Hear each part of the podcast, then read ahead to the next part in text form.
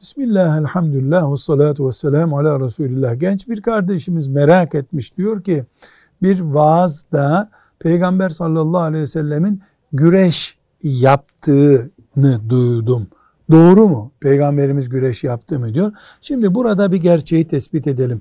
Yani profesyonel güreşçi gibi antrenmana gidiyordu. Antrenmandan sonra geliyordu işte rakipleriyle güreşiyordu. Böyle bir güreşme bilgisi yok ortada. Doğru da değil. Ama Resulullah sallallahu aleyhi ve sellemin bize intikal eden bir güreşi var. Rükane bin Abdi Yezid diye bir adam var. Çok böyle uluslararası bizdeki Koca Yusuf gibi diyelim büyük bir pehlivanmış. Kimse onun sırtını yere getirememiş. Peygamber Efendimiz sallallahu aleyhi ve selleme bir gün e, meydan okuyarak benimle güreşir misin demiş ama Müslüman değil.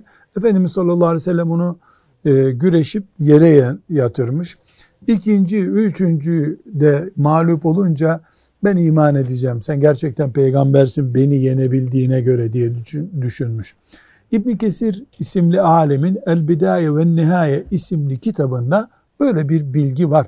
Ama bu peygamber efendimiz sallallahu aleyhi ve sellemin çok güreş yaptığı ve bu güreşin de sünnet olduğu şeklinde bir bilgi değil. Böyle bir kişinin Rükane isimli adamın iman etmesine vesile olan bir olay olarak bize intikal ediyor. Velhamdülillahi Rabbil Alemin.